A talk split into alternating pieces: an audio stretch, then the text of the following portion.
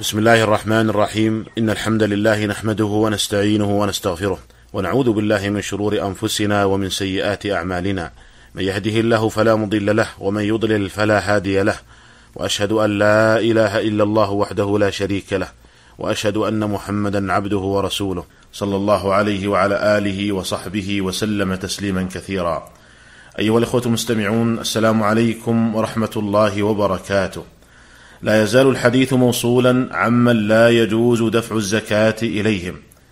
وقد ذكرنا في الحلقة السابقة ذكرنا منهم الغني والقوي المكتسب والوالدين والولدين والأقارب في حق من يرثهم. وكذا المرأة الفقيرة تحت زوج غني منفق والكافر إلا أن يكون من المؤلفة قلوبهم. ونستكمل في هذه الحلقة الحديث عن هذا الموضوع. فأقول وبالله التوفيق آه، ممن لا يجوز دفع الزكاة إليهم بنو هاشم أي ذرية هاشم بن عبد مناف لأنهم من آل محمد صلى الله عليه وسلم. وآل محمد صلى الله عليه وسلم أشرف الناس نسبا ولشرفهم لا يعطون من الزكاة لا احتقارا لهم بل إكراما لهم. لقول النبي صلى الله عليه وسلم إنها لا تحل لآل محمد إنما هي أوساخ الناس. رواه مسلم.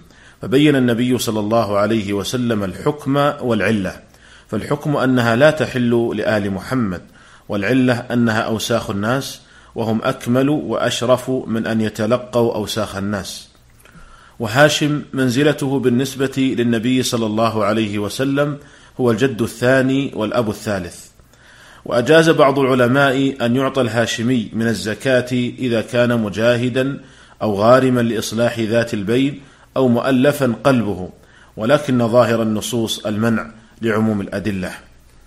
وقال بعض أهل العلم إنه يصح أن تدفع زكاة الهاشمي لهاشمي مثله لانهما في الشرف سواء فإذا كان سواء فإنه لا يعد مثلبة إذا أعطى زكاته نظيره. ولكن إذا نظرنا إلى عموم الأحاديث نجد أن أنها لم تفرق بين أن تكون زكاة هاشمي أو غيره. لقوله عليه الصلاة والسلام أوساخ الناس والهاشميون من الناس فلا تحل لهم. وقال بعض العلماء يجوز أن يعطوا من الزكاة إذا لم يكن خمس كما هو الشأن في وقتنا الحاضر. فإنهم يعطون من الزكاة دفعا لضرورتهم إذا كانوا فقراء. وهذا هو القول الأظهر في هذه المسألة والله أعلم وهو اختيار شيخ الإسلام ابن تيمية رحمه الله. وهل يجوز أن يعطوا من صدقة التطوع؟ اختلف العلماء في هذه المسألة. فقال بعضهم إنهم يعطون من صدقة التطوع. قال الإمام أحمد في رواية ابن القاسم إنما لا يعطون من الصدقة المفروضة أما التطوع فلا بأس. وقال بعض العلماء إنهم يمنعون من صدقة التطوع أيضا لعموم قوله عليه الصلاة والسلام إنا لا تحل لنا الصدقة. قال الموفق بن قدامة رحمه الله والأول يعني القول بجواز إعطائهم من صدقة التطوع. قال هذا القول أظهر. فإن النبي صلى الله عليه وسلم قال المعروف كله صدقة متفق عليه. وقال الله تعالى فمن تصدق به فهو كفارة له. وقال فنظرة إلى ميسرة وأن تصدقوا خير لكم ولا خلاف في إباحة المعروف إلى الهاشمي والعفو عنه وإنظاره. وقال إخوة يوسف وتصدق علينا. والخبر يعني قوله عليه الصلاة والسلام لا تحل لنا الصدقة. قال أريد به صدقة الفرض لأن الطلب كان لها والألف واللام تعود إلى المعهود. وروى جعفر بن محمد عن أبيه أنه كان يشرب من سقايات بين مكة والمدينة. فقلت له أتشرب من الصدقة؟ فقال إنما حرمت علينا الصدقة المفروضة. قال ويجوز أن يأخذوا من الوصايا للفقراء ومن النذور لانهما تطوع فأشبه ما لو وصى لهم. فأما النبي صلى الله عليه وسلم فالظاهر أن الصدقة جميعها كانت محرمة عليه فرضها ونفلها. لأن اجتنابها كان من دلائل نبوته فلم يكن ليخل بذلك. بدليل أن في حديث سلمان الفارسي أن الذي أخبره عن النبي صلى الله عليه وسلم ووصفه له قال إنه يأكل الهدية ولا يأكل الصدقة وقال أبو هريرة رضي الله عنه كان النبي صلى الله عليه وسلم إذا أتي بطعام سأل عنه فإن قيل صدقة قال لأصحابه كلوا ولم يأكل وإن قيل هدية ضرب بيديه وأكل معهم أخرجه البخاري. وقال في لحم تصدق به على بريرة هو لها هو عليها صدقة وهو لنا هدية. وأما بنو المطلب فقال بعض أهل العلم إنهم كبني هاشم فلا تحل لهم الزكاة.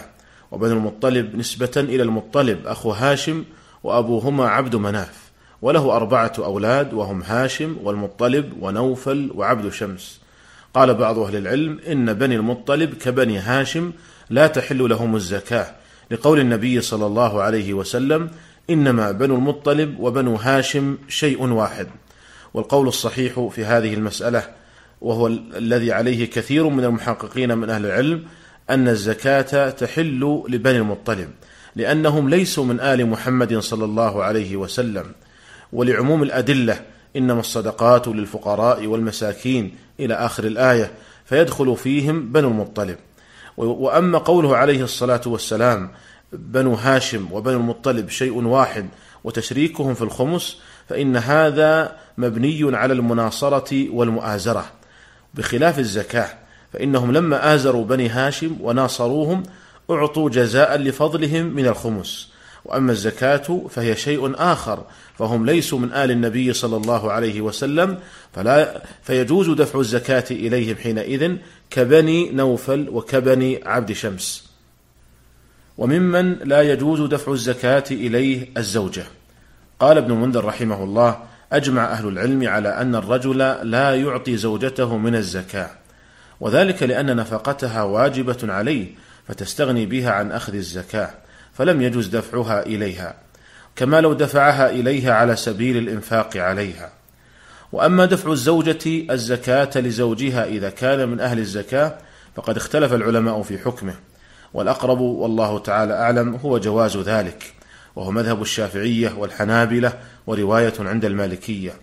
ويدل لهذا ما جاء في صحيح البخاري عن زينب امرأة عبد الله بن مسعود قالت كنت في المسجد فرأيت النبي صلى الله عليه وسلم يقول تصدقنا ولو من حليكن. وكانت زينب تنفق على عبد الله وأيتام في حجرها. قالت فقلت لعبد الله سل رسول الله صلى الله عليه وسلم أيجزئ عني أن أنفق عليك وعلى أيتامي في حجري من الصدقة؟ فقال بل سلي أنت رسول الله صلى الله عليه وسلم.